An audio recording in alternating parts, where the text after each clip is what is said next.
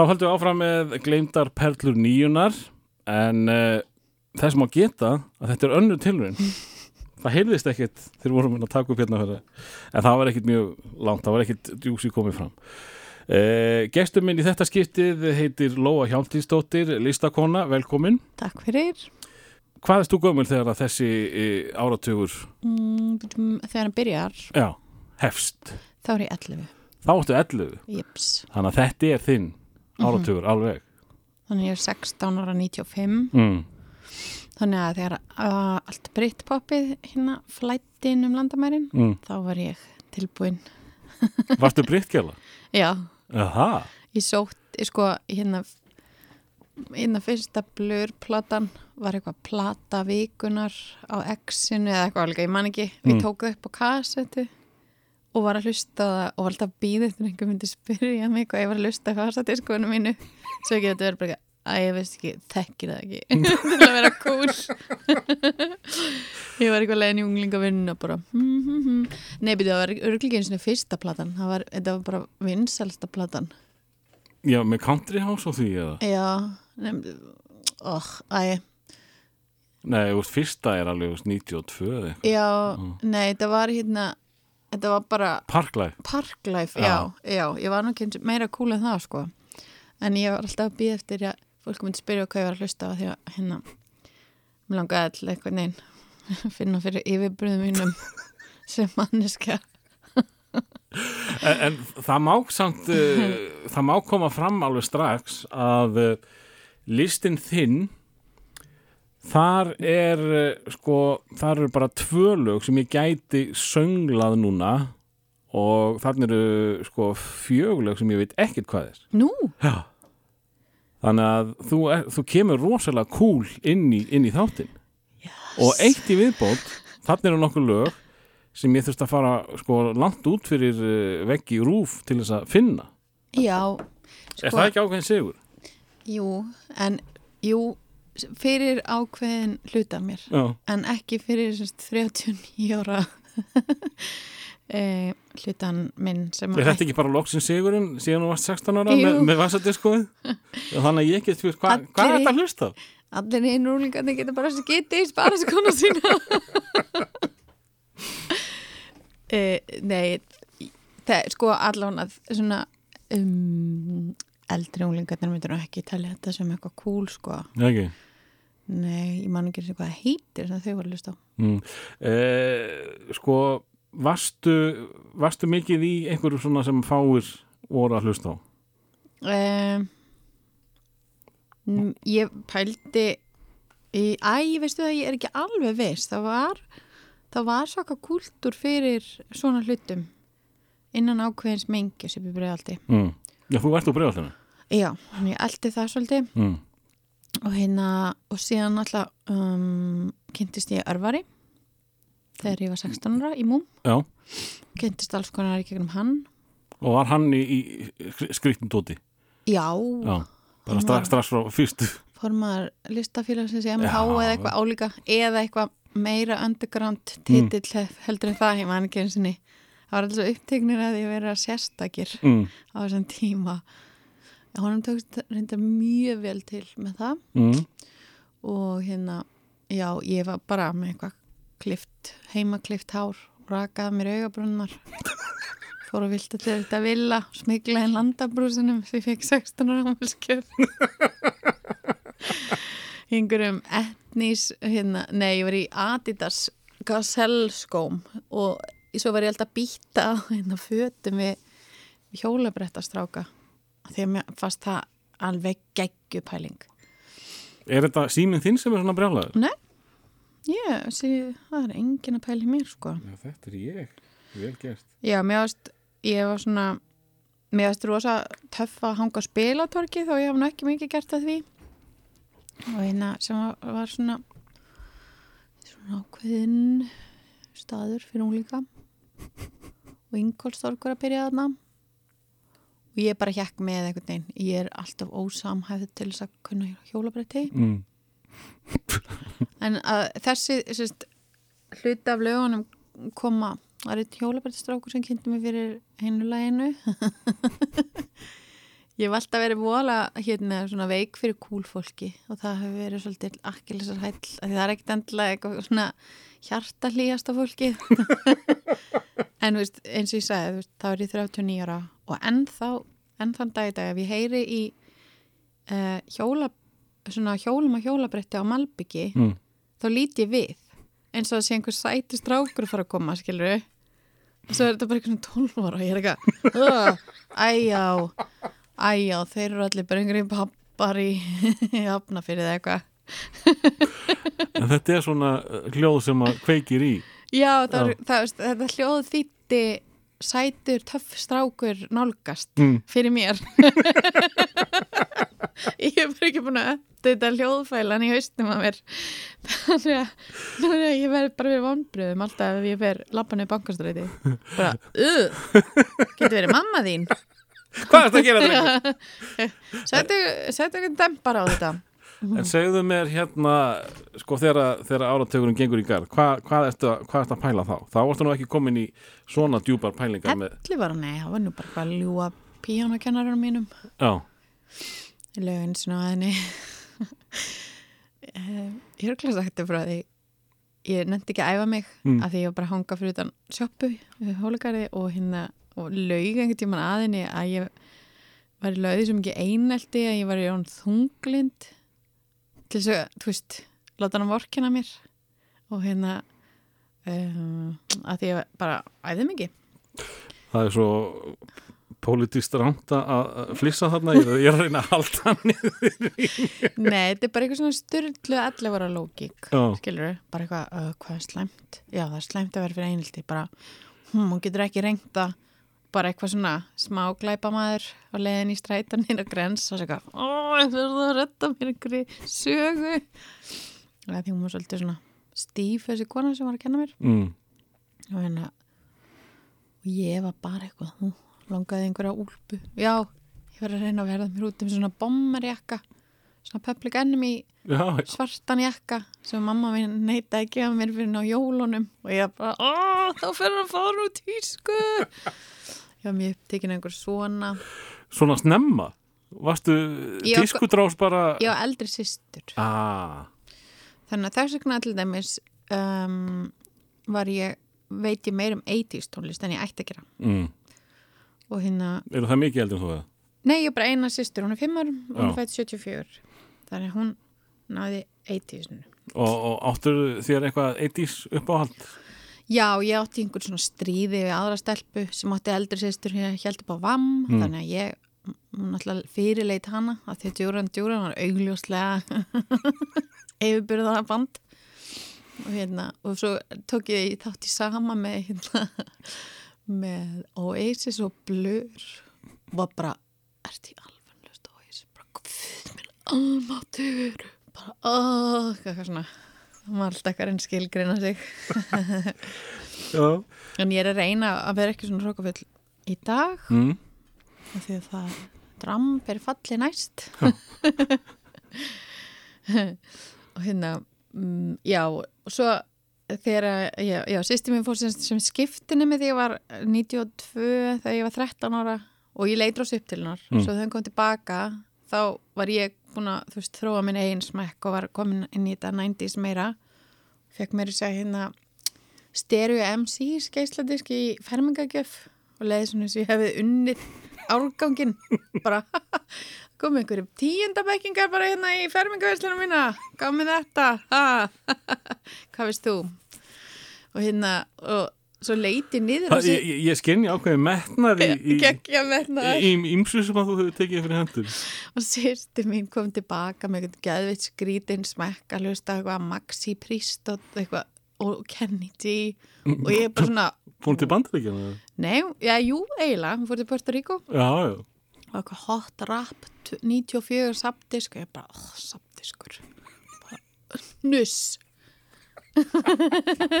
Og hérna var allt í henni komin í fyrirlega stöðu hvert manneski sem ég hafði litið mikið upp til og hérna.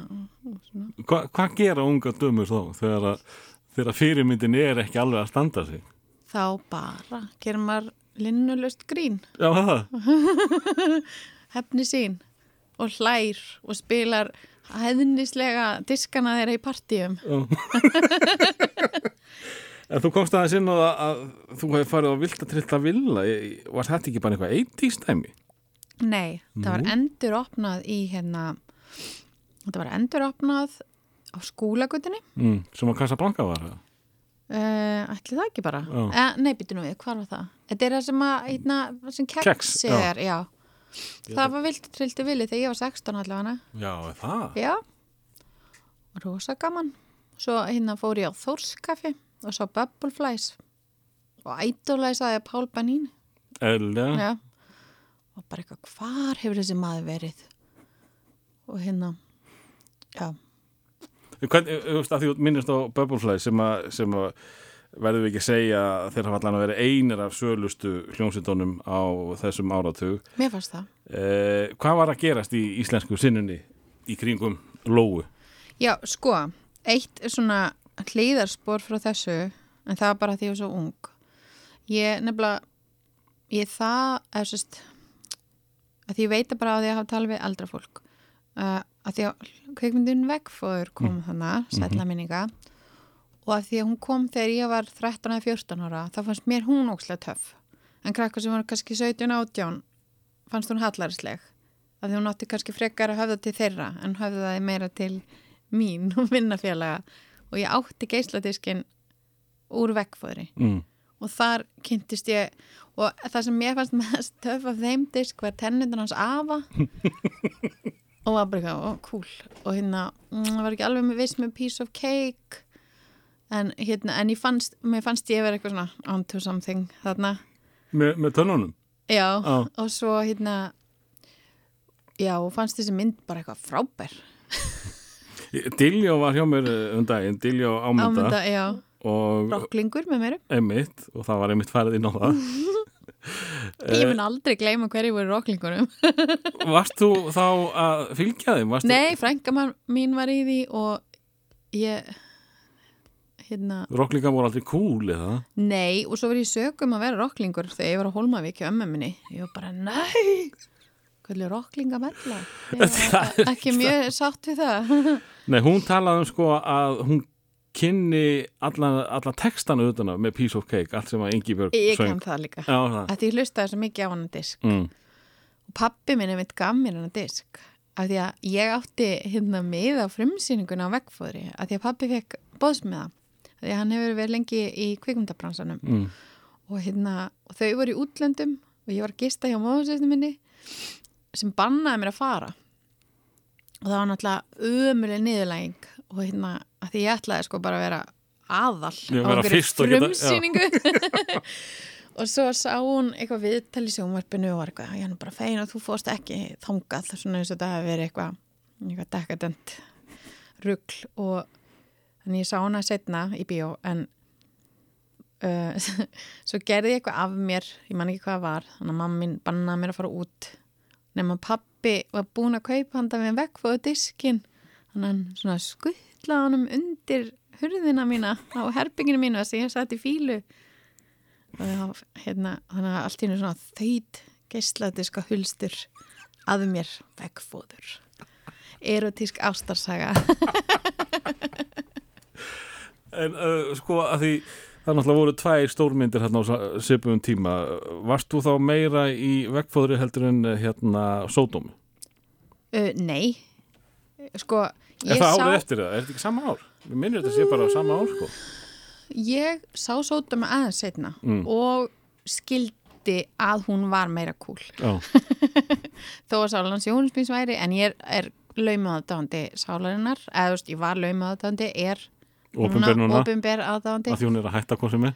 nei, nei, nei, nei, nei, nei, ég hérna, ég löngu búin að hérna, þú veist, maður er ekki bara eitt og þó ég sé fordóma full þá er ég líka með, með hérna mýgri hliðar Já, eins og hérna hjá þér lagið, það Mm. kom út þegar ég var 13-14 ára, mér ást ekki ekki það og, og viðkendur það á þeim tíma? uh, öruglega bara fyrir einhver einni vinkonu Já. Ekki eitthvað kúlvinu mínum Varstu, sem sagt, eh, sko, áratugurinn gengur í garð þegar þú ert 11 ára, Mhm. ertu þá strax farin að hugsa um að vera svalalóa? uh, já, því Ertu aldrei bara vennilugu krakki? Jú, jú 11 ára krakkar er ekki að hugsa á nummer 1 og 3 að vera sögurlega það. mm, Ég var undar alltaf eitthvað að pæli svona Mm, Ég Örgulega bara því að ég var eldri systur sem var mjög cool já, í einhver tíma, svo mistu það. Já, svo mistu það skiptin ef með einhver armbönd Kennedy. Vinabönd Já, leðurbönd og úkslega mikið eyrnalökum Nei, djók, heyrir um þetta Býtu, var það ekki töff? Leðuböndun og eyrnanokkanir? Ná, Ekki mínum heimi varst ekki að tengja við það? Nei, henni fannst þetta búið cool Já, En hérna, mm, já mm, Sko, ég flyt nefnilega uh, 94 nýri miðbæ mm, með fjölskyldur minni en ég ólst upp í breiðaldi alveg fram að nýjöndabekk og svo kláraði ég tíundabekk upp í breiðaldi en bjó nýri bæ það hlýtur að hafa verið svolítið mikil breyting fyrir unga stelpu. Já, og líka bara að, að hérna geta búið vinum sínum gistingu að því að við vorum alltaf að fara nýri bæ þegar að klukkan sló þrjú Mm. að hanga og býða eftir að allir eldri kæmi út af skemmtistöðunum og við erum bara eitthvað í kraftgala bara, já, já fyllist lækja torg Já, þú ert að kraftkalla kynsluðinni. Já, Það er fallegasta tíska sem til er Já. að mati fóreldra. ég veit það Mm. ótrúlega merkilegt og líka það lítur að hafa eitthvað svona höfug sálfræði svona, Já, hver, hver byrjaði þetta? ég, bara, það verður einhver eitthvað gáfaðasta fóreldri verður eitthvað svona bara, bara, það er bara eitt sem mátt ekki gera. Það er aldrei. sjá því sem ljótar usla kalla kalla. Bara ég sá einmitt stelpur og hagaskóla í svona galla í kettlingafjöllum þegar var eitthvað 13 ára. Og ég var bara á það var bara flottast Nú var séð jákvæmt vá. Já, bara í kraftgala það var einhverja rosa pæjur úr hagaskóla í kraftgölum þá bara varð, ég lind ekki látum fyrir en ég fekk kraftgala Og það er verið auðveldasta sem að þú sparist fyrir að fá. Eða sko, þeir kostuðu náttúrulega sitt. Sko. já Já. og ég fekk minni jólagjöf þannig ég var ekki þú veist svona early adapter mm. Mm. sem móðu minni alltaf bara eitthvað jóla, býð eftir jólunum bara eitthvað, oh, ok, næ einu mánuð af þessu þessari tísku Hérna, voru svona mi- mikla hræringar í, í tískuna, þú varst bara stressuð að... Já, það dutt alltaf inn eitthvað, háskólajakkarnir, vaksjakkarnir, Mm. hérna, public enemy jakkarnir, kraftgallarnir, það var svona, já, hérna, síðir leðurjakkar úr spútnik og svartir rúskinsjakkar með loðfeldur spútnik, og ég gyrtist þetta allt og var alltaf bara eitthvað, eitthvað, mamma mín bara, mm, já, það er kannski ekki vola svona. Varstu svolítið þræll tískunar? E, já, ég held að hann bara verða öll Mm. og hérna já, þannig ég náði, þú veist, snuddunum plastsnuddunum nema við áttum bara eitt skiptumst á að vera með það Mm. Byrju, var það tískan var svona alvöru snuð, það ekki svona badnasnuð eða var þetta, Eh, var þetta brjósikurinn? Nei, það voru svona plastsnuð með hálsmenn Já, Já, ég fór, fyrstu tónleikarnir sem ég fór á voru kók tónleikarnir ég hérna með Joe og hvað er að sé það ekki? Nei, uh, hvað er að sé held allan einhverja svona kóktónleika, það held að það hafi verið síðar Já, þetta voru, það hétti bara eitthvað kóktónleikarnir og ungar þyrptist hana. mm. Það eru sleiki fyrsta sinn og hérna, undir uh, fárum söng já, Páls Rosenkrantz. en hérna, já, en þetta var emitt. En, en, en sko En hérna þetta, allt þetta indie-dót Mm. sem ég hafði áhuga á, það kemur kannski meira svona upp úr 94.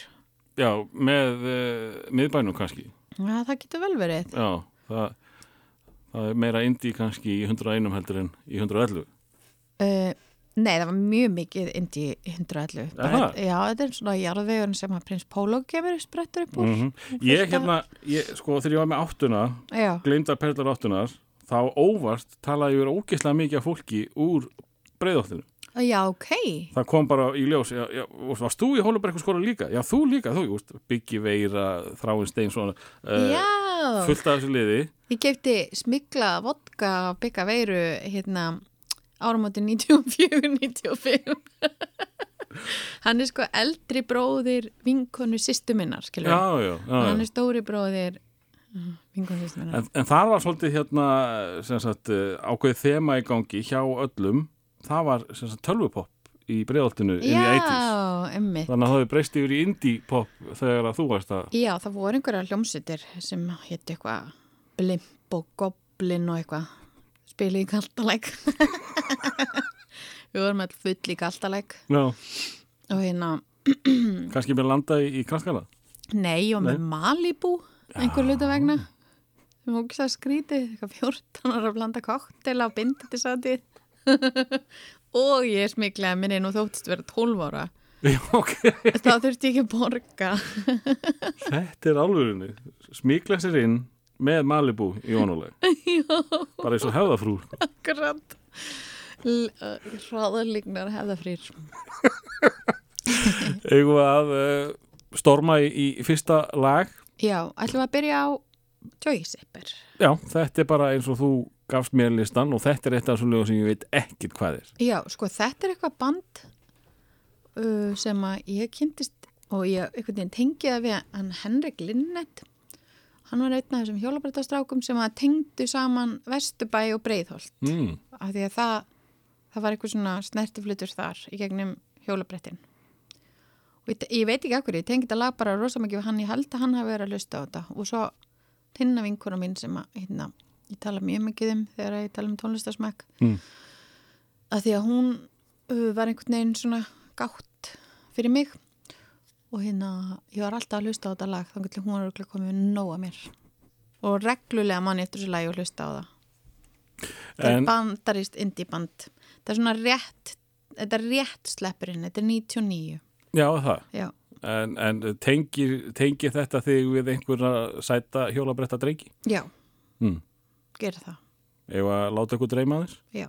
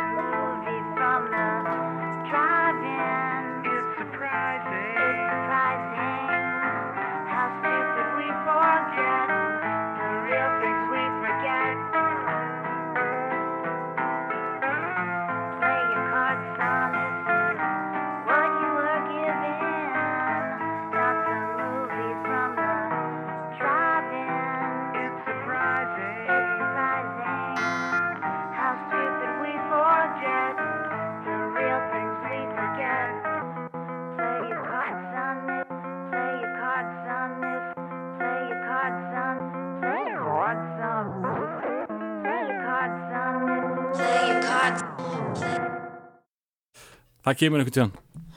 En uh, þetta var sem sé fyrsta uh, lagi sem að þú velur, Lóa. Uh, en þú, þú hef kannt engin deil endilega á þessum listamönnum eða hvað. voða lítið sko. Mm. Þetta er rosa indi í.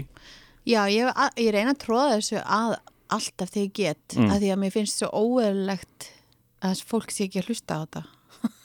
Erst þú að hlusta á þetta bara úst, heima Já, í góðu flippi?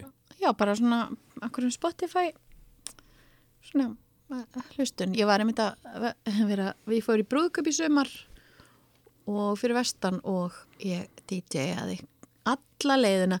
Ég var nefnilega svona, já, og, og leiði átna að setja nokkur lögin en var mjög frek með hérna og að því ég alltaf að kalla hann audiobúli því að hann hann er svo ofta búin að spila eitthvað áður en að ég er búin að ákveða mig Já.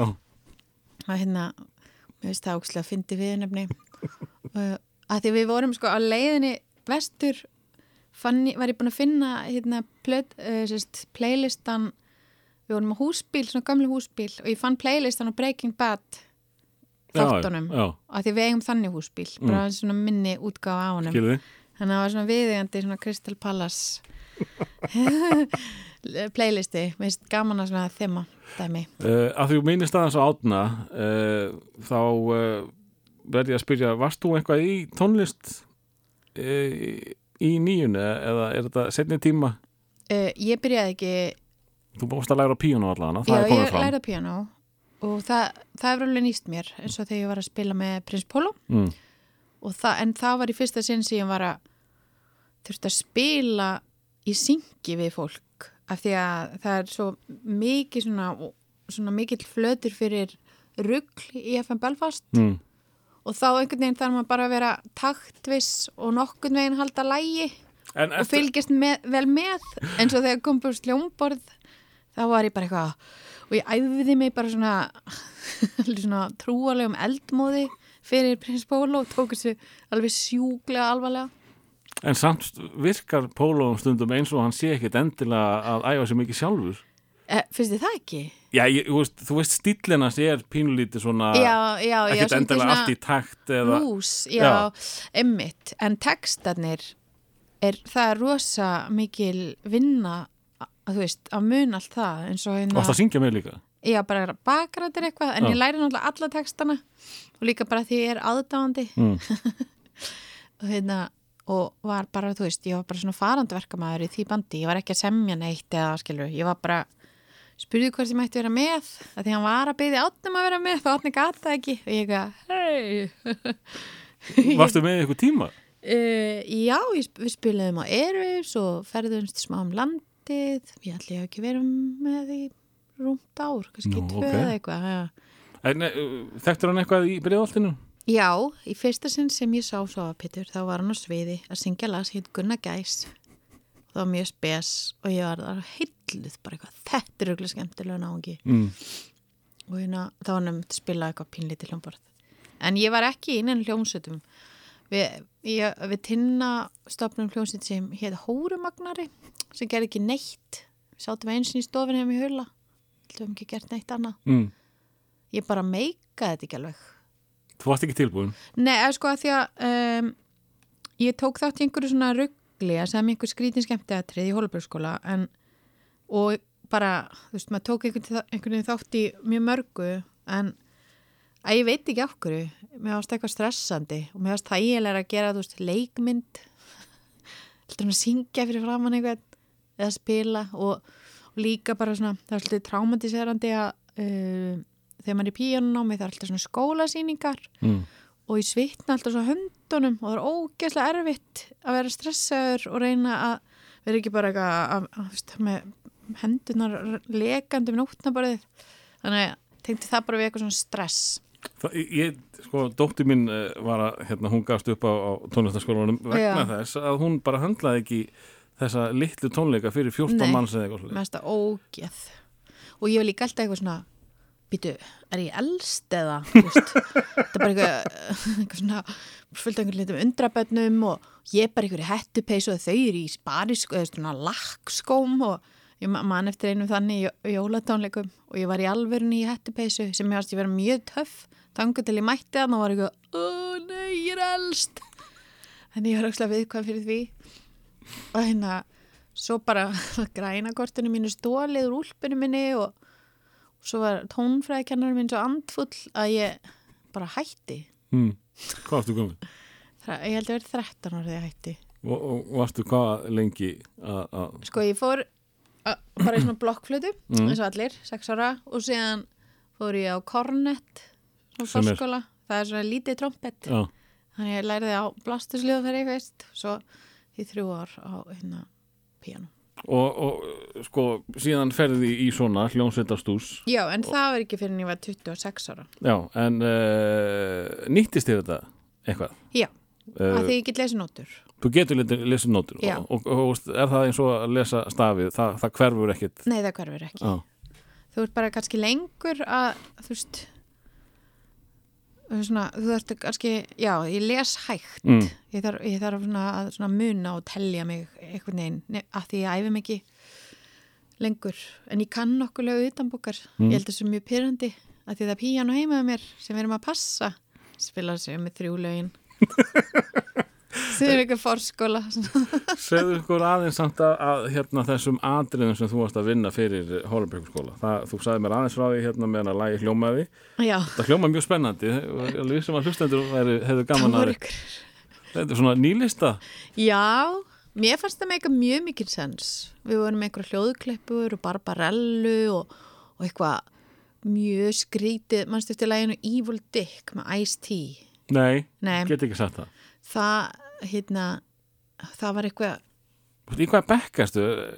í áttunda, áttunda bekk var ég meðal annars að gera og níunda bekk að gera eitthvað svona, vorum alltaf hlust og sætt og sóðalegt, Mm. þetta er hans Páls Óskars. Já, og þar kynntist við öllum bjömyndunum og hérna bæði svona næstu því já, sem var svona splattermyndum og einhver svona rösmæja brjóstamyndum eitthvað og við horfðum bara á þetta allt að því að það var e, frábærin áhengi að vinna í vídeolegun í Hólagarði sem að bara pantaði inn allan fjandan og ógslum ekki animi og Dóti, Mm. ég held að enginn er að fylgjast með honum, hann átti ekki þessa vídeolegu og þannig að við bara, og hann hafði áhuga á þessu þannig að veist, kombóið Pállóskar með upplýsingaveituna og síðan einhver svona forvitnilegur maður í, í vídeolegunni bara þau svona stölu að einhverju og, og hvað, þið voru sem sagt með hljóðbúta úr skrýtnum myndum og, við, og, hvað sem er gerðuð ekki þið? kannski skrýtnar, okkur fannst það skrýtnar Barbarellu til dæmis Já, veist, hún er, hún er bara kvöldmynd já, Vennulegt fólk eh, þekkir hann ekki vel Er það ekki Jane Fonda myndin? eða? Jú. Já. og hérna við vorum hérna bara eitthvað svona að mæma upp úr þeirri mynd og svo var þetta allt eitthvað klift Voru að mæma saman þessi hljóð okay. og svo hérna svo var eitthvað mjög fyndið atriði þar sem við vorum búin að já, þetta var bara ótrúlega skrítin atriði, það var eitt atriði sem að hérna, ég var að spila þykist fara að spila á atriði og gítar og syngja og, eh, nei, Sonja vinkona var með gítarinn og ég átti að syngja nema ég uh, þóttist hérna ekki geta haldið áfram með atriðið og hún þykist vera úrslega pyrruð og ég sá svona meðvirkni svitan leka fólkina fremsta bekk að því mér fannst þetta úrslega fyndið en var bara, ó, ó, bara raunveruleikin starir frá henni mig. Og það var eitthvað að því ég, ég, og allt þetta spratt út frá því að ég hafði fundið risastóra ljósmynd, litljósmynd af ketti sem ég hef búin að tróða inn á mig þannig þegar hún- Vákaði þetta djúpt maður. Já, þetta var mjög skrítið aðri og svo, svona, svo Sonja eitthvað svona bara eitthvað, ó, það gerist alltaf, það er óþólandi, ég nenni ekki verið að vinna með þér. Þannig hún fór af sviðinu og þá sá fólki svona svitna ennþá meira. Og ég satt þar bara eitthvað, eitthvað, að ég er búin að týna kettinu mínum og tók fram þessar reisastóra ljósmynd eitthvað og fyrir að syngja komd aftur til mér Dísa, því kettinu hér Dísa, svo ekki með svangut vingun og skokkandi í svona frott, eða svona einhverjum krumpugalla búin að tróða inn á sig og ég ætti upp svona serióspakka og hendi mér rusli. Og ég veist, sko Þetta var- eru 14 ára eða eitthvað? Já, og þetta Þetta átti er geggja já, þetta átti sko, þetta var auðvitað bara svona geðvitt típist unglinga svona mentaskóla flip, Mm. bara svona á einhverju þannig kalibri en mér fannst þetta ekki vera flippað. Fyrir mér meika þetta ógæslega mikið sens sem sögum þráður og ég var eitthvað svona eftir á bara eitthvað, byrju, var þetta ekki sniðugt, einhvern veginn mm. mér fannst þetta vera bara geggjaðu brandari Já, þetta var brandari sagt. fyrir mér fannst þetta, mér Já. fannst þetta ógæslega fyndið að Til einhver að finna þá meðvirknina, fannst þið það fyndið eða varstu með pönslínu? mér finnst bara svo fyndið svona vonleysið í þessu, eitthvað svona rúsnast svona umurð eitthvað, mér finnst þetta alveg svaklega sniðut Hva, hva, hvað varstu þá að, að, að sko, gera til þess að láta daginn líða? Hvaðan koma þessar hugmyndir? Þín áhugamál hafi ekki verið alveg því sömu og hjá öllum hinum. Ef, ef að þetta er það sem að... minna það voru fjóra manneskir sem dróðist í þetta. Ég veit ekki hvort ég hef verið instigator en að þessu. Nei, en hérna, að jú örgla allavega þessu atriði. Að því að hérna ég var örgla frekar en þær. Að feitar og svona. Mm, Nei, ég segi svona, en hérna Já, ég veit það ekki. Ég var bara eitthvað hlusta út að og glápa á eitthvað drasl og hérna. Þú ert ekki að glápa það sama á hini, það getur ekki verið. Nei, Já, kannski ekki. Getur við það kent Páli Óskar um, um þessa, Já, þessa innsetningu? uh, allavega sem ég gerði árið eftir með Barbarellu, hann á heiðuna henni en hérna en heiðuna þessu, ég veit ekki. Mamma mín, Það er ekki mömmu um þetta. ég ætla ekki að mömmu um þetta. Hún var í áhuga leikfélagi og átti rosalega skrítin tai chi galla sem hún notaði alltaf að rella mig ef það kom einhverjir strákar í heimsókn. Klættun sig í gallan, eitur grætt hvað hælu það? þurftu alltaf akkurat að tala við mig stigaganginum alltaf þeim finnst það múið að fyndi Já, mér veist að fyndi. Já, alltaf gott. Uh, og hvernig var þessum atriðum tekið hjá samnefndum þínum? Ég Þú man manst- ekki eftir þið eru- einhverju þið eru svona skítsamar það. rífandi fagnalátum. en ég man eftir að hafa verið svona, hm, já, þetta var eitthvað. Byrju, var, var, þegar, þú, þú talar um sætt og sóðalegt, var það á mónu? Nei, þetta var aðalstöðum. Aðalstöðin, já. Já, já. Þegar hann var bara primetime á sunnudugum eða eitthvað, eða ekki? Og ég man það ekki, sko, Sonja vinkuna var rosalega duglega að taka þetta upp á spólur. Já. Já, og svo náttúrulega horfðum við mikið á MTV Mm. út af gerfinnöttunum, á blokkunum í breiðaldi. Já, þið komist í MTV. Já, þannig að við horfðum á Alternative Nation og eitthvað svona dót. Ég sáum mitt Toby Ames þannig. Og ég var auðvitað að tala um þetta um daginn. Þetta er ótrúlega skrítið að vera eitthvað montas þess að við engi hverju sem maður var. Okkur fannst það bara eitthvað cool, veist, fyrir 20 árum.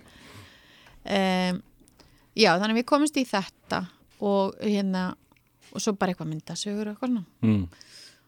Uh, talandi um myndasögu, kannski fyrir nánari það hér og eftir, en fáum hér næsta lag. Þetta er, sko ég vissi ekki að hún eh, hefði verið svona lengi í bransanum uh, og við vorum bara að setja lag í spilum með henni núna í síðustu viku eða einhvern veginn.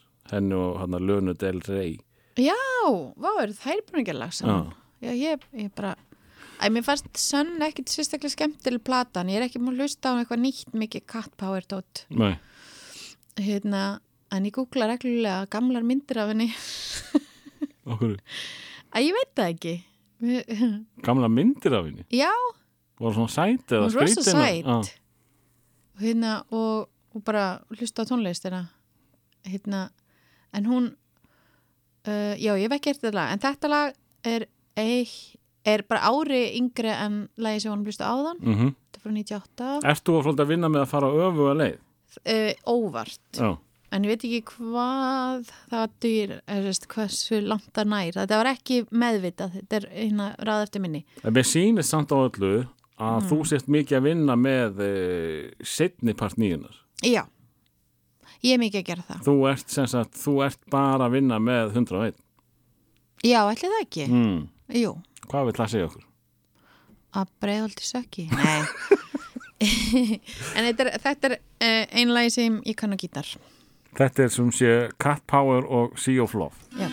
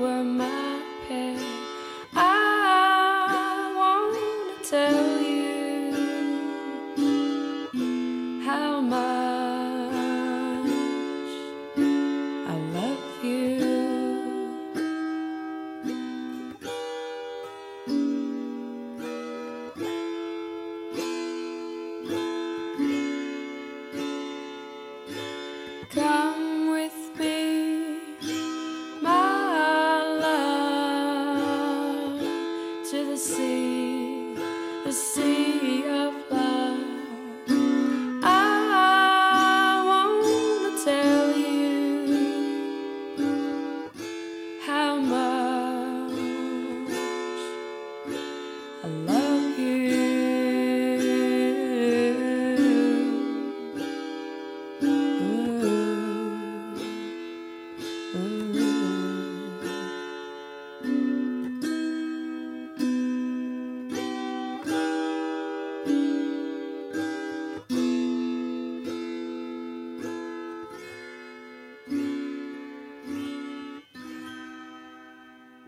Þetta er eina lagi sem þú kanta á gítar Já. Mér heyrðist gítarn að vera hal, pínu henni. smá vesen Það er bara betra. mm eh, Sko, við líka komast að því að uh, þessi tónlist sem að þú ert að bjóða upp á Já. þetta er setni tíma nýja þetta er uh, eftir uh, miðjan áratugin og Einmitt. þetta er allt eftir að þú ert komin í 101 Já. og ég skinjar einhverja breytingu á smekk eftir að þú ferði í 101 þar þarftu að vera meira töfföldur en í breiðaltið það ekki, það er, Nei, er það ekki? þurfti ekki að vera meira töftar. Þetta er meira svona sjálfsvorkunar. Já, það, Já, ég var erfitt að fara í, í miðbæin Uh, nei, þá bara eitthvað erfiðar að vera til. Já, á þessum tíma Já. það er rétt Ég veit ekki okkur ju. Þannig ertu hvað, 15 upp í 20 eða eitthvað slúðis? Já, Já, óh, svo hækkar erfið tíma. erfið tími sko. Ég var samt ennþá upp í breiðaldi að því ég var á mynd, myndlistabreytti í FB. Já, já, var hefndi að keira þar fram hjá áðan og hérna uh, já, þar var ég bara eitthvað í svartri síðri kápu með lita svart stutt hár og eitthvað laumur ekki baka við FB hlusta á ógæslega dramatíska tónlist. Mhm, og hérna, en þetta lag, já, hérna mér finnst þetta svo flott coverlag hérna, að því að svo strippað og viðkvæmt einhvern veginn. Mm. Já, við komumst að því að við, við, við deilum ást á, á svona þekju tónlist. Já, ég örgulega láti einhvern annan spila þetta lag. Ég hérna, er ennþá að hlusta á þetta. Ég er pínu först þarna sko. Ég er först uh, 20 ára aftur í tíman í tón, tónlist. Ég held sko svona þér að segja að það sé bara venjan sko. Já, Eh, Ég er ekki búin að heyra, ég er ekki búin að finna nýja svona uppáðsljónsveit í, í ókísla mörg ár. nei Ég held að radio þetta sé bara síðast. Já, ég var að dettin í einhvern alveg bílan hipster ég var svo feina ekki sé mynda honum áður en ég heyrði lagið Mm. þetta er bara einhver algjör brúklind úti, eitthvað svona sem ég myndi vera eitthvað svona ægi, uh, bara rúlegur á típa á laginu eitthvað svona og hann er með alveg svona, þú veist rísastón snúðahaustnum og klæði sig eins og þú veist, æ bara eins og hann MGMT strákanir hann heitir Alex Ebert og ég veit ekki ég bara heyrði lag með honum á hérna playlistanum hans hérna Jesse Pinkman úr Breaking Bad Já, já. og, og bara þið fóruð ansi djúft inn í Breaking Bad. já. Við nefnilega horfðum bara tvær seríur þegar þetta kom út. Og svo var þetta bara, við vorum byggum í bandaríkjanum Mm. og þetta var eitthvað svo ógst að hefði það var kallt og hún skýtblöng og hún bara eitthvað, ok, getum ekki horta þetta. Það verður of mikið. Þannig við vorum bara að klára þetta núna. Já, ok. bara í það heilegri íbúð í, í leiðunni skörfinu með barni okkur að sopna bara, ah, næs, Já. ég er snakk horfa á kristal með kokka en hérna, þá dætt ég inn í þetta lag og, og heldur þess að mikið upp á hann og af því er hann eldri þá er mér alveg skýt sama hvort hann sé töff eða ekki, það minnst lögin ógæslega skemmtileg Eh, sko, þú ert orðin eldri og, og minna hrókafull, sagði það sjálf, þetta er ekki mín orð. Eh, hérna, finnst þið þá betra ef að gaurin sem að þú ert að fíla eða bara tónlistamæðurinn er ekki töff? Eh, Nei, núna hérna eh, sko þetta er mjög mikið mess. Mm. þetta er ekki, það er ekki þetta, þú veist, svona mæla þetta og flokk þetta fullkomlega. Þetta er rosalega já, þetta er bara oh, þetta er mjög svona tilvílunarkend tilvílunarkendur hróki að þú veist, ég er með fordóma fyrir hipsterum, en það eru einhver sem myndi segja að ég væri það, skilur Er ekki, er ekki FM Belfast samansafnað einhverjum hipsturum? ég, ég líti ekki svo á Nei. mér finnst við vera venjuleg og hérna og þú veist, og leifi mér alveg að vera með fordóm fyrir hipsturum sem er óslega glata því þú veist, annars væri ekki gott kaffalstaðar og þú veist, hver er svona friðarsinnar að, þú veist, stöðla einhverju lífræðni bómulla framleiðslu, skilur við Nei, en ég náttúrulega er, þú veist, bara tíunda áratugurins Mm. og það voru allir einhvern veginn með eitthvað svona, "Hm, en þú, hvað, hvað? Þú veist, allir reyna að vera eitthvað en þú máttur ekki láti svo væri reyna að vera eitthvað. Eða skilur, þetta er bara rosalega þröngu stígur. Þarna, þarna líka verður sko til e, ákveði stríð og, og ég bara áttum að það núna að hérna þarna var FM til mm og svo kemur boom, exit Jöp, fyrir e, hina mm sem að voru utanveldu já, og þá hafa þeir sko þá er þetta að standa saman gegn e, fallega fólkinu á FM já og það gerðist bara nokkuð stert þarna á þessum áratug hvernig típa varst þú sem úlingur? svona uh, já, þetta er bara eitthvað svona mm, eitthvað svona mm, já, afurð bara, þú veist, svona grönns tímabilsins í fata og, og indi, eitthvað, eitthvað svona mikstúra þar Mm. Svo náttúrulega kom einhvern veginn svona heipa tímabilið inn hann í byrjuninni Mhm. sem allir var alltaf komin út við að buksur eins og það veri flott og ég alveg tók það til því, skipti með því bara flott, Emiliana bara Já. svona buksum ég ætla bara að gera það líka sem er hérna að því að þú veist ég myndi ekki segja að ég var eitthvað staðar í efstu lögunum af, af töff fólki í Nei, Indínu en ég var mjög mikið að reyna það. Þú vildi vera í Já. eftir, eftir seti en ég, ég gata ekki. Og, hérna, og ég líka og einn vandræðileg saga sko að því að ég var alltaf, að maður er bara svo hrættur um einhvern veginn, fólk sé að dæma mann af því að maður er sjálfu dómharður. Mm. og þá, það er það sem vekur hennan óta að vera eitthvað, eitthvað ó en ef þau eru að hugsa svona um mig eitthvað. Og ég man eftir að hafa einhvern tíma verið að keira eftir að hafa verið einhver svona og það var verið að tala um einhver svona að vera maður sjálfur og eitthvað bla bla bla. Og það kemur lag með Brian Adams í útvarpinu og ég er að keira og það kemur lag yfir hann að henn róa do. know it's true. Og ég kann alltaf textan en ég hefði meinað sjálfur mér að fíla þetta lag. Og ég fekk svona spennufoll og fór bara svona að grenja og grenja og syngja í bíl og það var svona kathar teka eitthvað svona bara augnablik fyrir eitthvað mér fannst þetta skemmtilegt veist, að og, svo, veist, og það er eiginlega og, og svona moment þú veist, er til dæmis svolítið hulla hugleikja þakka Mm. af því hann er svolítið seamless þegar kemur að tónlistarsmæk það? og hann bara bjöði til playlista bara, já ég ætla að hlusta Britney Spears og, og bara, og, þú er bara, gla, bara, bara glötu að hafa skoðun á því og ég er eitthvað, já ha, eitthvað svona og ég fór að hanga með honum veist svona meira upp úr 98 skilur þau, þegar ég er 19 ára Já, hann er, hann er í miðbænum, hann er ekki breiðalt Nei. drengur, nei. og hann bara hlusta á það sem hann vildi hlusta og hérna, Og var hann skýt saman um álit annara? já, Og var hann ekki að reyna að vera töff?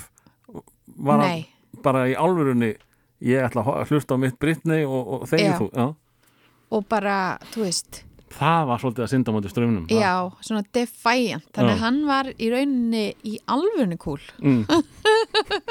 að því að kúlfólk er ekki eitthvað rætt Nei, að tala illum einhvern kúlfólkinu líður bara vel þetta er bara svona náttúrulegt ástand ég er bara einhver B-típa eitthvað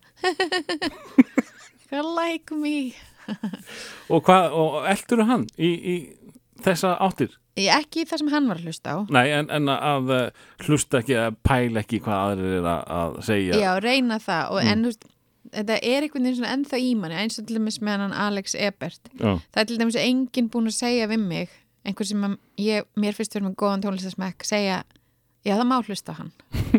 Skilur veist, ég þarf ekkit á því samþykja að halda í alvörunni, en það er svona eitthvað svona 5% lagi. eftir. Já. einhvern myndi segja, já, hann er bara flott, flottu guður, ef örvar myndi segja þá er ég bara, ah, jú, ok ég ætla að kaupa vínilplötu. Að því að þú veist maður er ennþá með einhvern bældan ungling sem er alltaf eitthvað að reyna. Mm. en ég hlusta á þennan manna næstu okkur um einstu degi Æ, og á, ein, ástæðan fyrir að tala svona ógislega lengi um þetta er af því þú sagðir að langt síðan þú er fundið einhvern og ég er bara nýbúin að finna eitthvað, eitthvað nýtt Já, úst, og ég er bara ofsalega glaði fyrir þína hönd Já. veg- vegna þess að ég er ekki búin að finna neitt svona sko. Nei, svo datt ég inn í Post Malone að ég var að Já. kenna einhverjum börnum myndasöggerð og eitt er að heimta að hlusta þetta og ég, þetta fór alveg fram hjá mér og ég gaf, vá, hvað þetta er skemmtilegt og fattaði ekki, þetta var bara eitthvað svona ég veit ekki eins og hvar á hérna svona hérna, Litróinu já, landakorti smekklega heita það er Já. en mér er bara alveg sama, mér finnst þetta bara rosalega skemmtilegt. Þannig ég er búin að hlusta á það og ja, sko aðalega þegar að barnið mitt er ekki heima og frendans af því að hann er alltaf eitthvað hann sagði F, F, hann hann er aldrei F orðið. Hann er alltaf M orðið, hann er alltaf S orðið. Og ég er eitthvað, já hann er bara að syngja hérna. Friði þegar böttin fara þá hlusta ég á hérna, potty mouth. Post, hérna, potty mouth alone. Potty mouth. Potty mouth, já það er svona vera með svona skítakjaft Já, einmitt Ég held að, að þú vissir meira en ég hvað hann heitir í álurinni já, potty mouth. Ég er að við núna hvað, hvað potty mouth potty mouth Malone. Þetta var svona þriðji stytting postmalón Já. já, ok. Nei, eh, hérna, að Þú komst aðeins inn að, að, að hérna, þú sem sagt klárar eh, FBE eh, 99 99 og varst þarna uh, hvað, mynda eh, bara myndlistabröðin uh, hvenar kom svo gerla í þig að, að vilja teikna eða mála eða hvað það er? Mm, bara frá því ég var lítil. Já, erstu búin að vera að teikna alveg já, alltaf ennum tíð? pappi minn teiknari. Mm. hann var hérna lærið auðlýsingateiknun og, og ég leitt mjög mikið upp til hans og var alltaf eitthvað að teikna. Og held ég bara fram og þetta var í bóði ég reyndi sko að fara frá þessu og fór í hérna Kvennó var þar í einu önn flúið upp í breiðholt aftur. Mm. breiðholti mitt. Þannig að hérna, já, þannig að bara öll skólaganga frá 6 til 20 var þar. Eh, að því hérna þú ert búin að koma inn á nokkuð sinnum með hvað þú ert orðin gömur hefur ekkert komið til greina að, verða bara meðaldra upp í byrjaldi Já, ég var mjög mikið hugsað það í dag að við vorum í upp í breiðaldi í jarðaför mm. og ég var eitthvað að hugsa bara ég var að segja vatna legin eitthvað það er eiginlega bara eins og laugunskvarfið og bara það er allt hérna sama nema vantar bara stemmingu eða eitthvað. Og hérna og var eitthvað svona röflum þetta kannski af því að ég hef ekki efna íbúð neins þar annars þar Nei, það er orðnar ábyggla alveg dýrarnir frá en ég veit það ekki. Það, þú veist, að því maður áalið líka umulega minningar úr breiðaldi Mm. Þannig ég hérna, veit ekki alveg með breiðald en þetta er geggjaður staður samt, þú veist, ef hann er þú veist, ef þú kemur hérna bara alveg, þú veist með enga sögabakinu og ekkert, þú veist þá hérna er þetta bara bara gróið hverfi með bókasafni og sundlu og, og næsheitum. Ég, ég man þegar ég fór þarna fyrst og ég bara mun vantarlega aldrei gleyma því. Já, að því hérna ég haf alveg verið sjö ára eða eitthvað leðis, kemur Njarðvík. Já, þetta var svona eitthvað korubólta uh, keppnisferð og við gistum í fellahelli. Já, það? Já, og þar á móti var hérna sem sagt einhverja búðir uh, móti fellaskóla þetta var svona búða kjarni eitthvað já, já, hann er ennþar Já, sem að ég hafði aldrei séð áður. Það var bara eina eða tvær búðir í Njarvík og búið sko. Og þarna var fullt af þeim. Ég fannst ég verið komið til New York eða eitthvað slið þetta Vá. geggjaður staður. Þetta er ég búin að búa núna í 15 ára eða eitthvað slið Það er magnað. En eigum að fara í næsta lag? Já, endilega. Og uh, sko það er ágætt að- að gesturinn kannski kynni það inn Já, þetta ef, hann hefur eitthvað að segja um það þá er það allt í lagi líka sko. Nei, þetta kemur inn á, þetta er alltaf sama. Þetta, ég keipti þessa plötu í Hljómalind í Östustræti mm og guð hvað mér fannst ég verið svöl. Og var alveg vona afgriðslu maðurinn væri bara eitthvað töff val hjá þér. Og hérna, þetta er sérst Everywhere með Cranes, ég veit ekki hvaða tónlistastefnum þetta er. Ég get ekki hlustað á þetta mikið í dag. Ég ekki? Nei, Nei. Ég, ég, þetta er einum of. ég fór hérna oft í hljómanleitt líka. Mm og uh, ég náttúrulega þekkti engan hérna þannig að ég gæti ekki drekt mér í, í, í þeirri fræð en ég er alltaf að vona að einhver sem að ég þekkti sæja mig vera að vesla í hljómalið Já. ha, kalli bara í ha, einhvað hefur þú nú vita á tónlist? Ég lenda alveg í rifrildu vinkunum mína sem var að reyna að bösta mig við að vera svona ógeðslega mikið að rempast og svo átti ég í hérna kærasta sem var að vinna á eitthvað tímabili og ég var bara spurði mig hvað hann vinnur. Það var svo rosalega töff. En hérna, já, ég kefti þessu blötu þar og já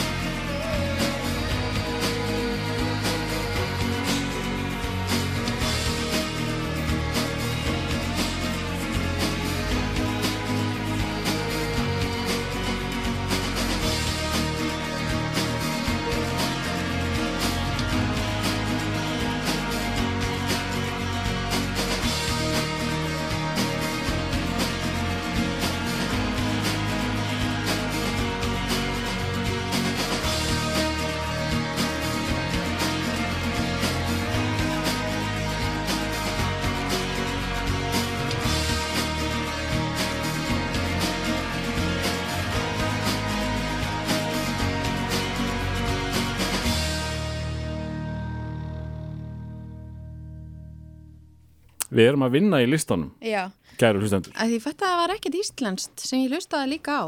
og uh, nú varst að henda fram einmitt uh, nokkrum svona nákvæmlega gleymdum perlum Já, ég Eh. bara, ég þurfti greinilega að hrista heis, heilan eitthvað.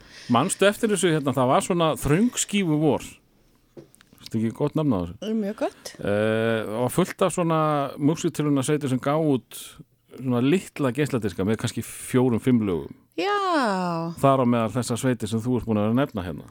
Einmitt. ekki, ekki alveg svona færi ekki standardin LP en uh, ekki heldur EP sko, þetta er svona mitt á milli. Já, og til dæmis uh, Antýri sem varst að pæli það er sjölaga já, það, það var mikið hérna bara eitt, eitt árið kom bara fullt af einhverju svona þegar hérna einhver undir undir hérna leipell hjá hjá steinum eða skífunni hétt inn, æ, skiptir ekki, nú er ég Ó, ég man ekki eftir þessu. Hm, spennandi. að rosa spennandi, En hérna, ég var ekki að hæðast, sko. nei Hérna, um, já, einmitt. Nei, að því allt innum fór ég bara pat, að fatta, þú veist, kannski væri það miklu skemmtilegra að hlusta á antjara og, þú veist, bara, hérna, nei, rung er yngra. ég þekki ekki rung Rung er með Hildi Guðn og Bernahem Hem og, Svarpitri og. Borgó og Óla, hérna Óbó, Óla Byrni, trommara, stjörnusveit S- algjör. Hérna, hvað heita Velvet Revolver? Nei, hvað heita hennar stjörnusveitin?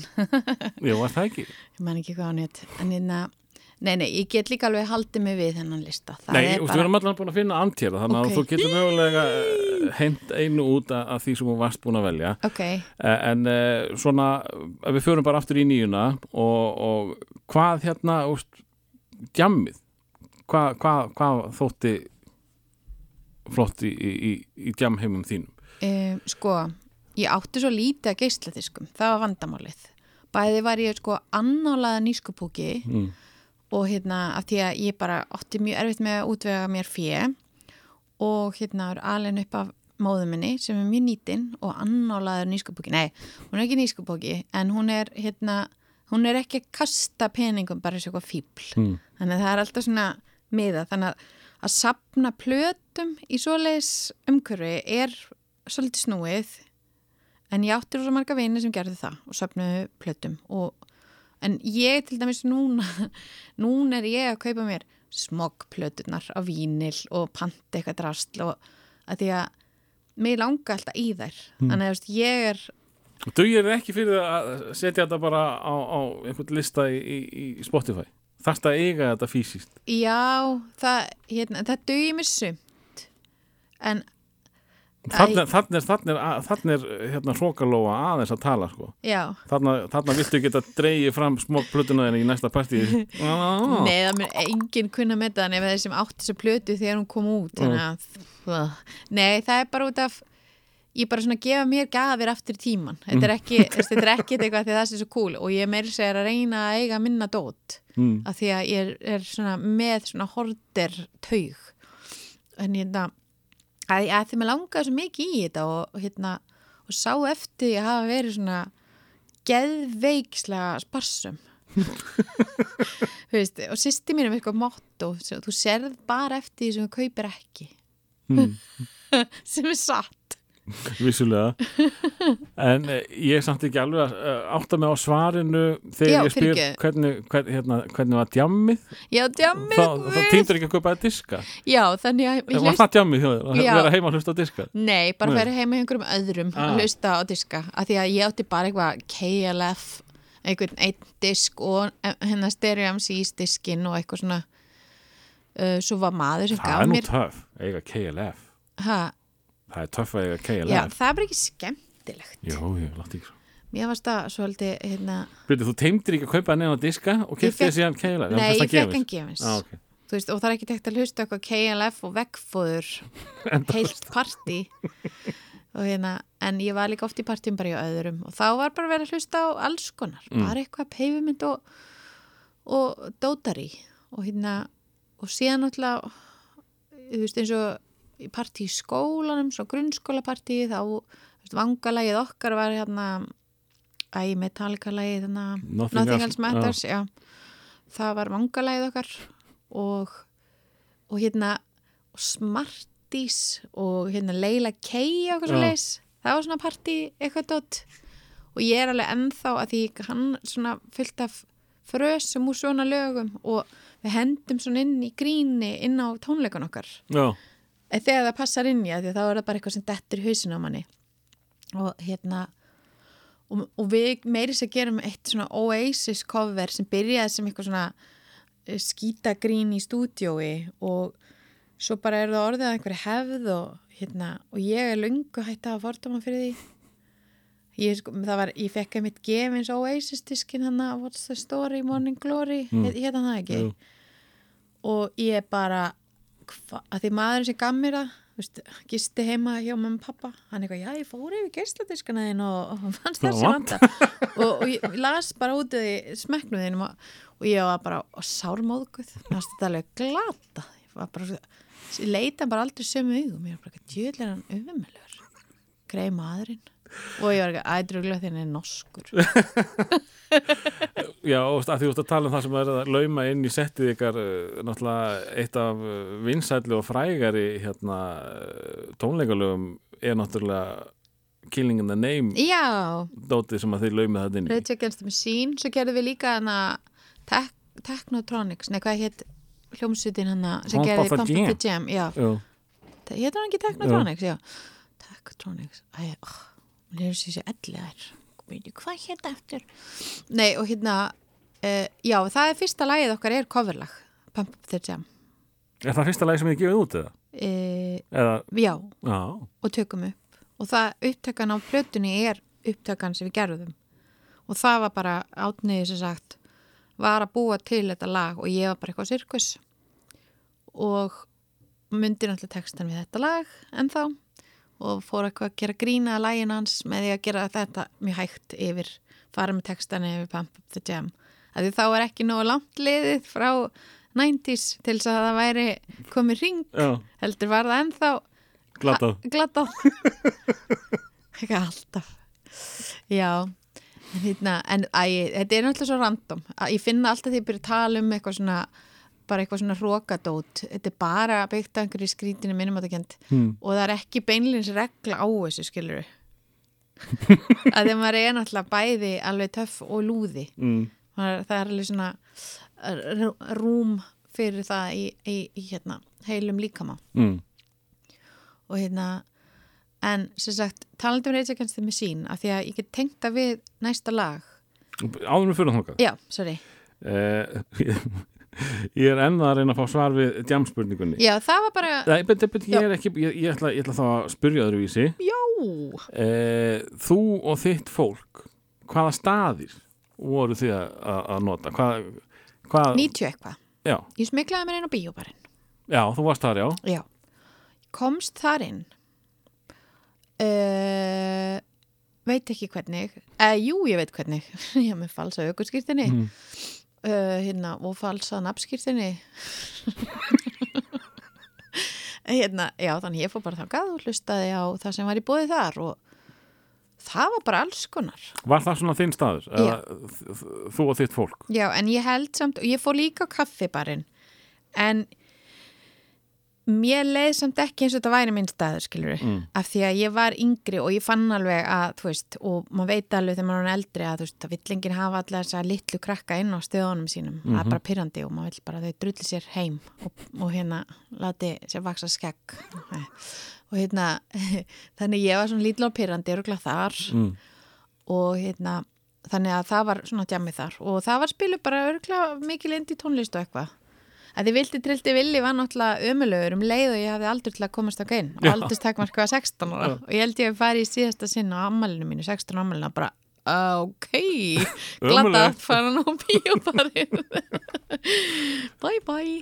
Já, Eh, ég, ég, ég, hérna- ég náttúrulega bjóð á landi á, á sko, fyrstu sex árin á þessum áratug þannig að uh, skemmtana menningi í höfuborginni er mjög framandi. Mhm. þess vegna spyr ég alltaf um djammið. Ég, ég er ekki að reyna að segja og það hafi verið einhver svakulegu djammar. Mér, mér er nokk saman það. Ég, Já, nei, ég tók þessi spurningu ekki þannig. Mm, uh, en já, ég hérna ég man eftir þú veist, var séð allur apparat á hérna og allt þetta veist, unga leikaralið, svona 90s leikaralið eins og Baltasar Kormag og, og hérna Hilmi Snæ og Margreti Viljáns og fundist þau voðalega og ég var svona voðalega upp með mér að vera inn í sama herbergi. Er, þa, er, það bíóbarinn að því Nei, það er kaffibarinn. Það er kaffibarinn En bíóbarinn var alltaf hérna uh, sko á býtu, að því maður heyri bara sögur af sko hvað heita, Berlín eh, eða Astro eða já, ég fór einu sinni inn á Astro. Já,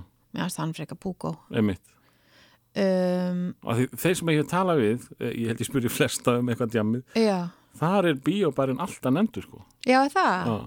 það Við er bara- bara... að vera svona hipp hipp já, við þefum hann bara uppi. Já, hann var svona skítugur og dimmt og Alveg svo dansgól við viljum hafa, niðri já. og, og bara allt lið sem hann leit upp til. Ég fór stundum í stúdendakjallaran ef það var eitthvað sérstakt um að vera. Var hann vinsall þá eða? uh, Ég er nei, bara svipað núna það, þegar er eitthvað ákveð að gerast þá, þá mætir einhver. Ég sá eins og bara því bangang pissa í ruslafötu þar. Mm. fannst það vera voðalega mikill event. Bara nú bara bara það pissi í fötu töff. Ég finnst það húslega að fyndi núna því ég myndi núna bara hvað er að þér? Finnst það ekki alveg að töff í dag nei, Nei. en hann er örugglega ekki því lengur sko langt sér hann hefur pissað einhvers staðar það var eitthvað svona það var eitthvað svona defiance tíska að vera skrítin Mm. og vera bla bla bla og þú veist, vera með skrítnasta hárið og eitthvað föt sem enginn hefði getað fundið neinstar, bara eitthvað að finna eitthvað ból í kattakjallaranum undir Tomsen eitthvað, eitthvað, uh, bara fúkalegt af þessu, eitthvað neginn mm. ég tróð mér í einhver batnaföt sem ég fann á einhverjum flóamörkuðum og var bara rosalega upptíkin á allir svona. Og vera með hárið svona eins og ég hef bara vaknað svona allt út í loftið. Mamma saði einhvern tíma við mig eitthvað svona eitthvað já, að því ég var að tala um föt og eitthvað svona. Mm. eitthvað, nú ég held að það er bara ekki áhuga því hvernig þú litir út. Ég eitthvað geðveikum tíma í það. Ég var bara, hm, ég ætla að raka mér auðabrunnar og, og bara svona varalit við svona reitt hár. Ég eitthvað rosalega tíma í þetta og mammi fannst ég bara lítið til svo þú veist, ég hef sofið undir rúminu mínu. Bara að pissa á mig eða eitthvað því líkar pælingar ég er ánægð með þetta. Já, en við vorum að tala um Rage og þú ætlar að leiða inn í næsta lag. Já. Rage Against the Machine mm -hmm. komu þegar ég Fórstu? var Nei, Nei. að því ég er aðeins of ung fyrir það. Ah. Ég mátti ekki fara. Mm Ég var först í grillveislu upp í breiðaldi í fílu mm. og Freaky Realistic eh, eru tónleikar sem ég mist af líka. Ah, af því að þeir voru í, held ég, Valshöllinni sem heitir hún eitthvað annað eitthvað stór fyrirtækjahöllin. Mm. uh, og þau komu örgla hann hana í hljómalind Kitty hljómalind flyttuðin, æmaði ekki einhver. Og allir fóru sig í þekkti og ég fór ekki út af einhverju svona. Og var sá eftir því og hlustaði á þetta eins og þau væru heimsfræg. En þau urðu aldrei heimsfræg. Nei. Og ég held að það bara verið fræg á Íslandi innan á smá lítill hóps. En þetta var eitthvað sem þú hafði mjög gaman á og, og þess vegna vildur þú fara varst ekki, þú varst ekki að elda eitthvað sem að aðri voru að tala um? Uh, það var átti einhverja þessa þennan disk eða, eða spólu eða eitthvað uh, og mér, mér langaði að fara af því að mér finnst þetta skemmtileg tónlist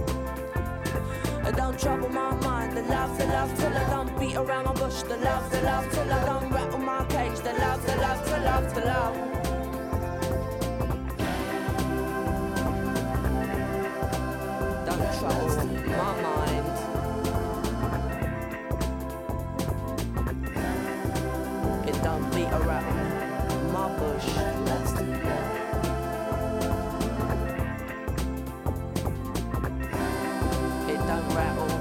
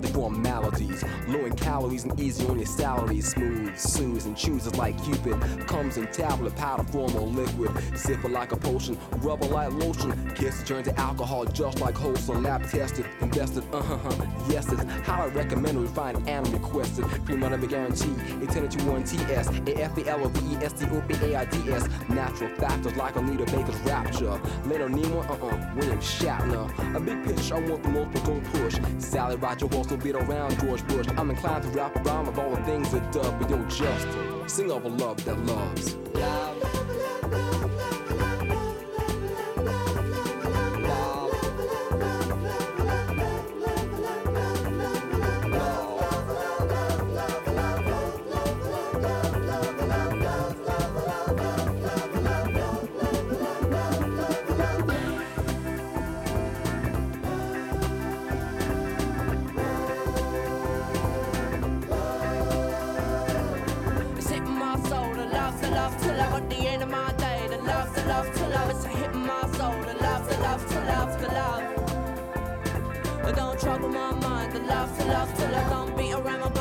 Bush. The love, the love, till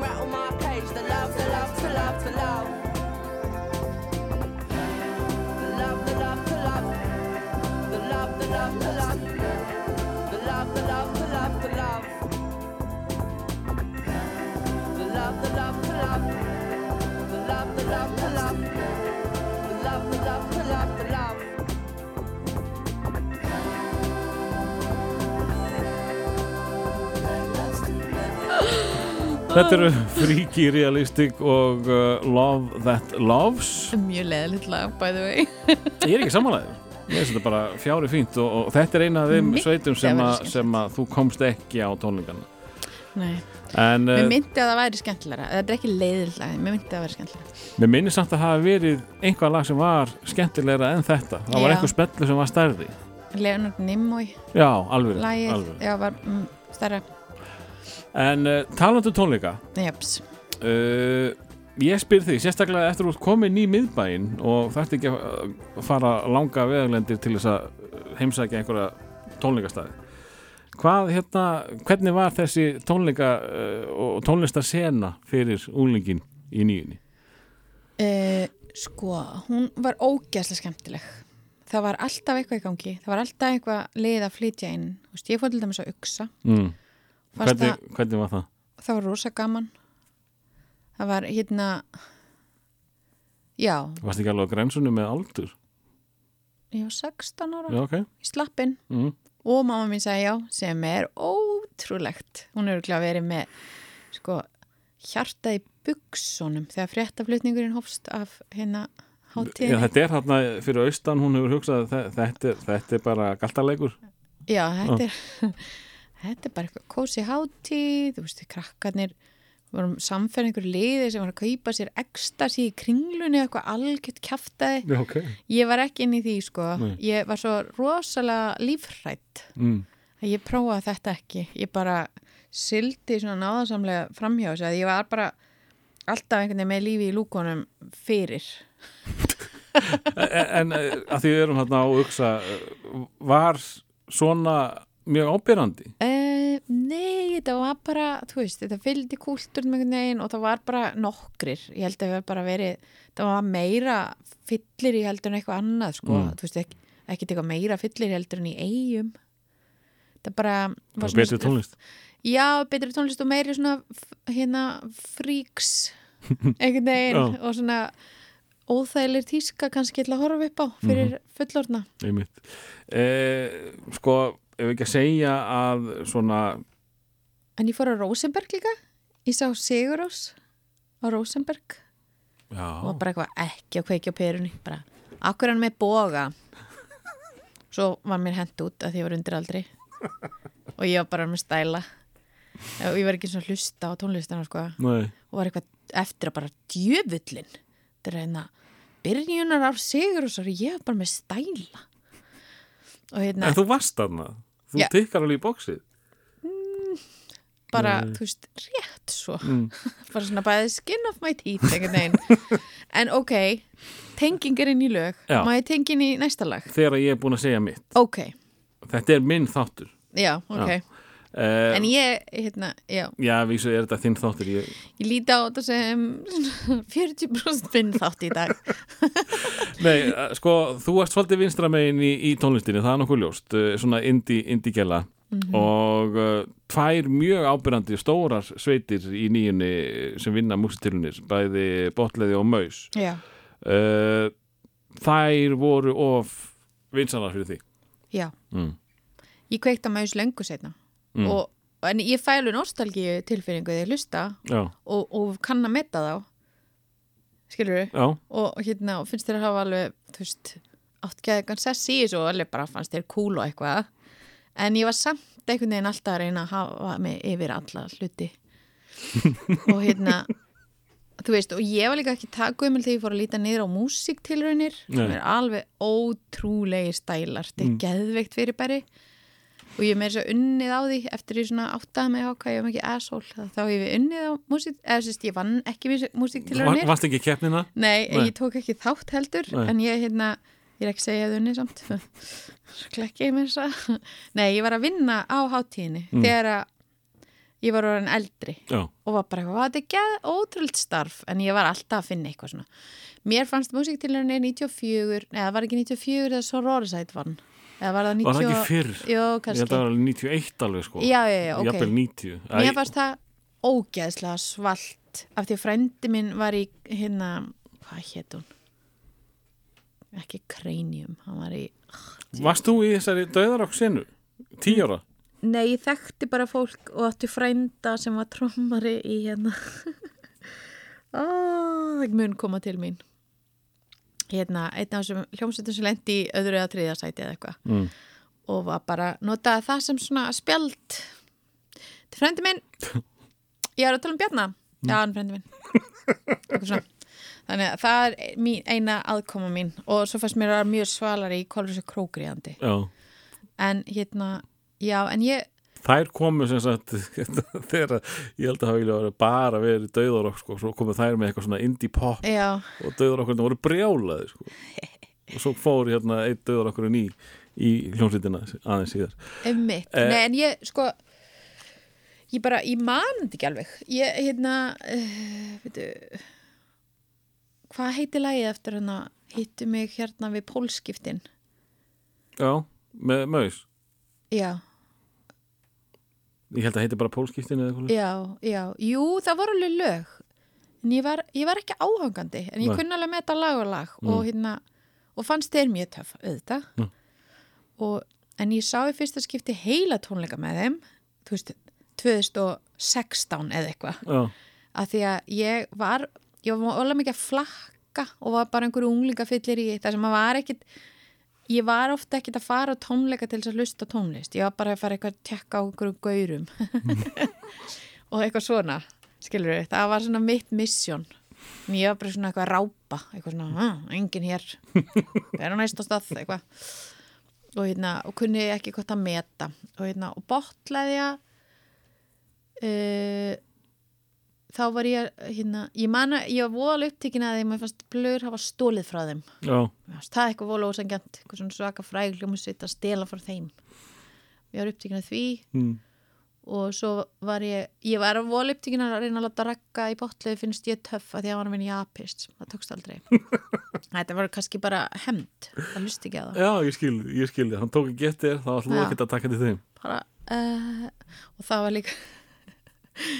já en hérna en já, byrju, þú varst að spyrja spurninga ég er búin að tala með einhvers þú veit ég eitthvað fyrðult hótt Já, en þú svaraði núna alveg í blálókin sko. Ég var búin að gleyma spurningunum minni þegar að þú já, já, svaraði ok, þessu. ok, ok Eh, Þannig að þú ferði, sko, þetta er eh, næstu tvölu að koma út á sama, sama ári og það var, þe- þetta er þessi þröngskífu uh, bylgja sem ég var að tala um. Mhm. uh, þetta var bara smekkleisa sem, að- sem að áttu heiðruna þessu, ekki, já, ok, ekki eitthvað undir fyrirtæki steina eða hvað. þau ljóta að fengi borgað öll, unglingar bara litlu leipuli er En, örugglega eh, svaka. þetta er, sko, þetta er, sko, ég er svo ánægð með að því þú varst að skipta þessu út, þú, þú, að skipta þessu inn öllu heldur. Að því þetta er rosalega mikið glengt, þetta, þetta fór ekkert rosalega hátt, en uh, þú greinlega mannst eftir þessu, ég var að byrja að vinna á X-inu þegar þetta kom út, þannig að ég mann eftir þessu. það eru tvö úr þessu bandi sem var með mér í grunnskóla.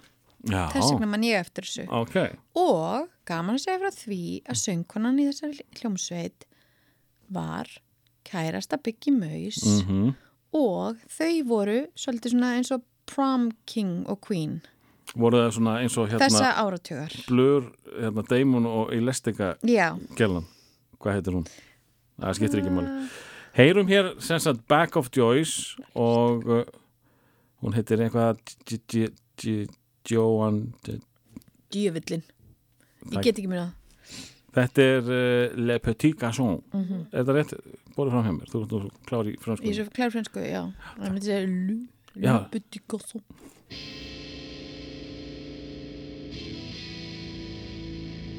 Petit garçon.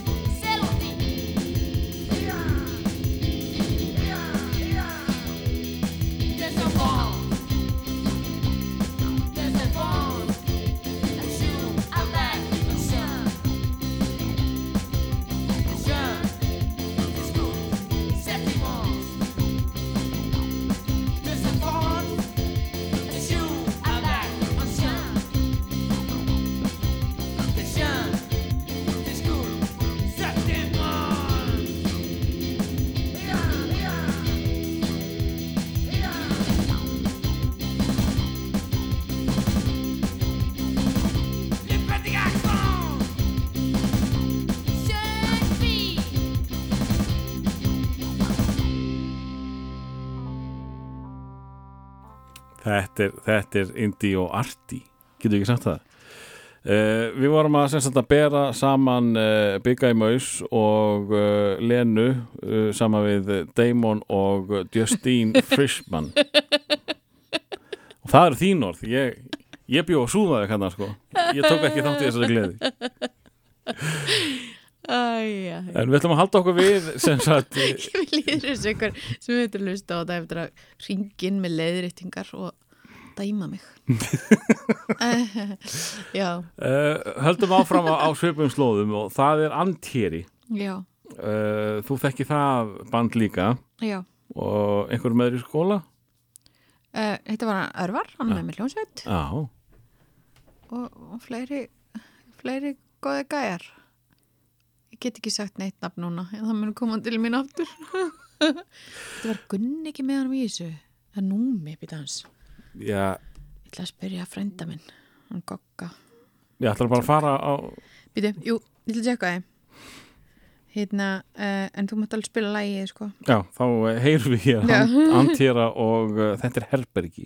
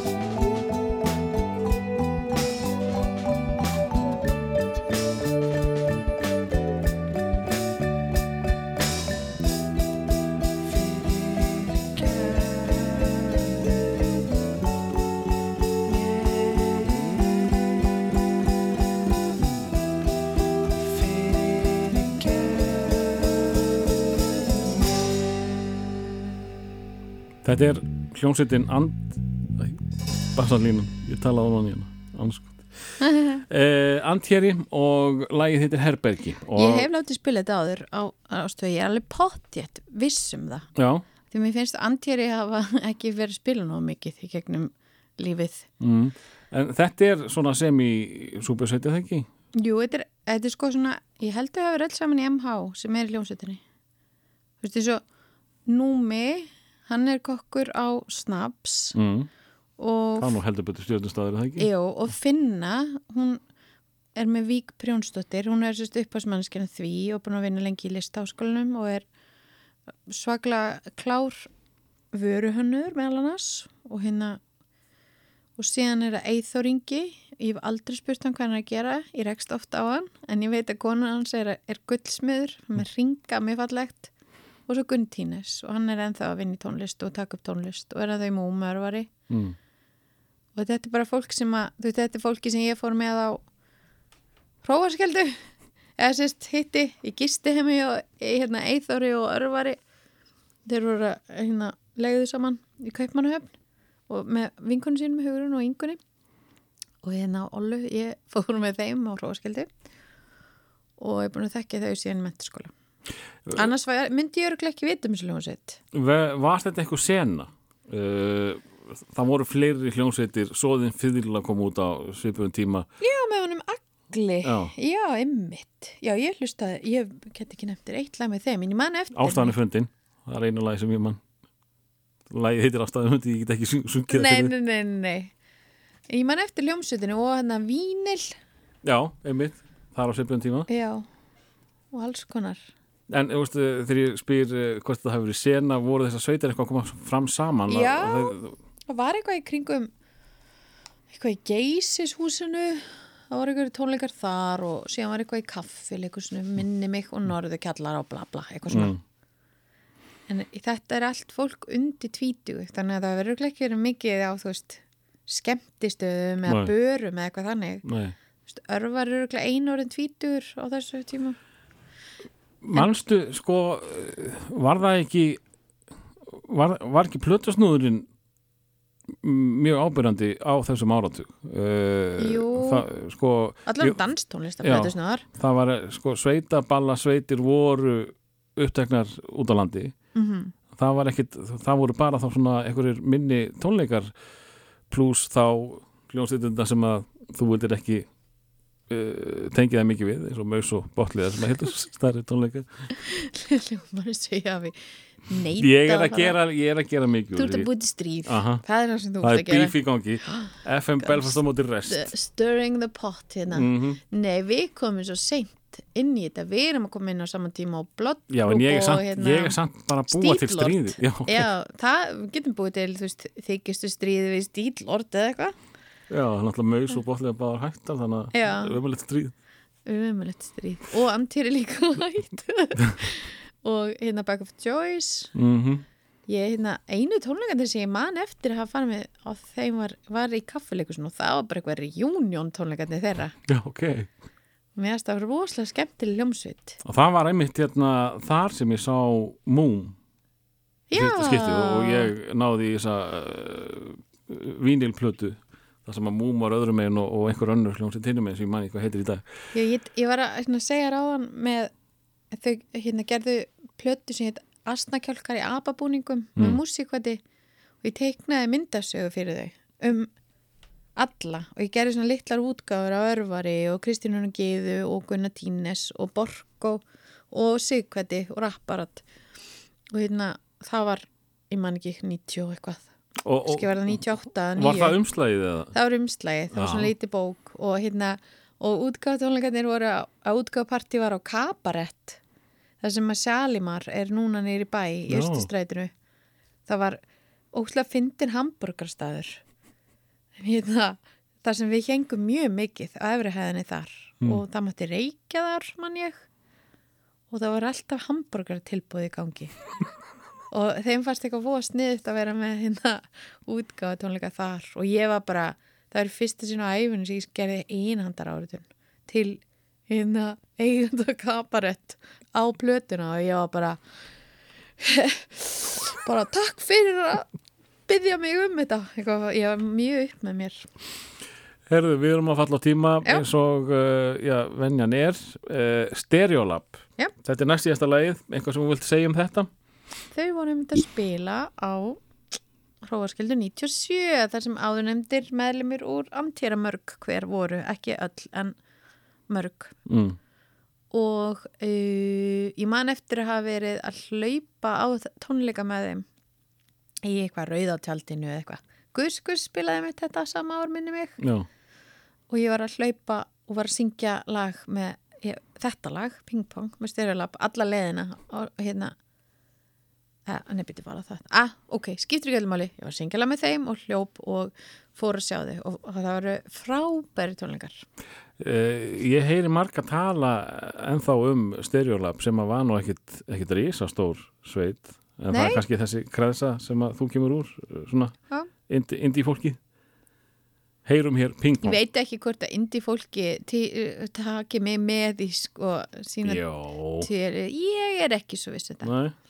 Þau var öll í tónlist, ég var ekki tónlist þarna. ég var meira bara svona eitthvað full í partí að hanga og er að hróka full, skilur, ég var ekki að gera neitt.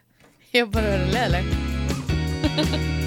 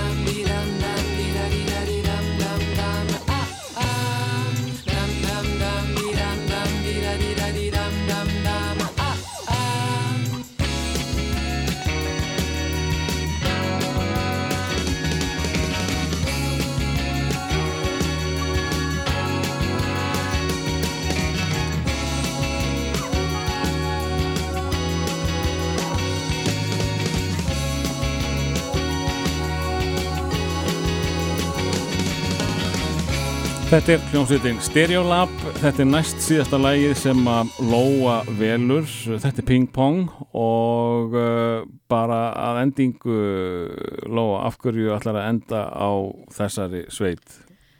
Erp, af því að Er komið að vangalæginu þá?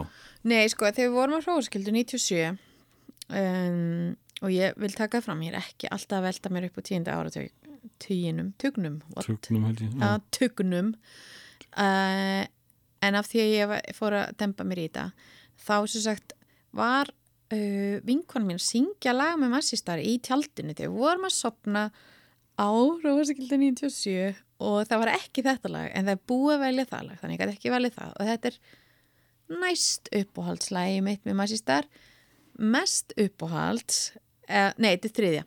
Mest uppáhalds er Susanne með Hope Sandoval sem er söngkonan en það lag var gefið út 2000 eða 2001 en ég gati ekki valið það, ég var mjög svekti við því.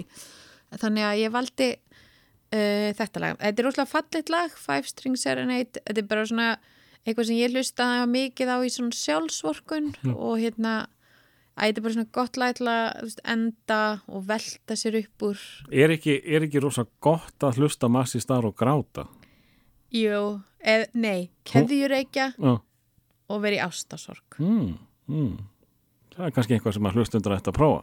Já, og hætta að veipa Já. bara að reykja síkartur Þórður uh, sem að ég ætla að fara að vinna í núna uh, Lóa Hjálmstíðdóttir uh, takk kærlega fyrir að sita hérna með mér Verðið góð, ekki dæma mig ég ætla að leifa hlustundum að dæma þetta er sem sagt uh, Massi Star og Five String uh, Serenade Já.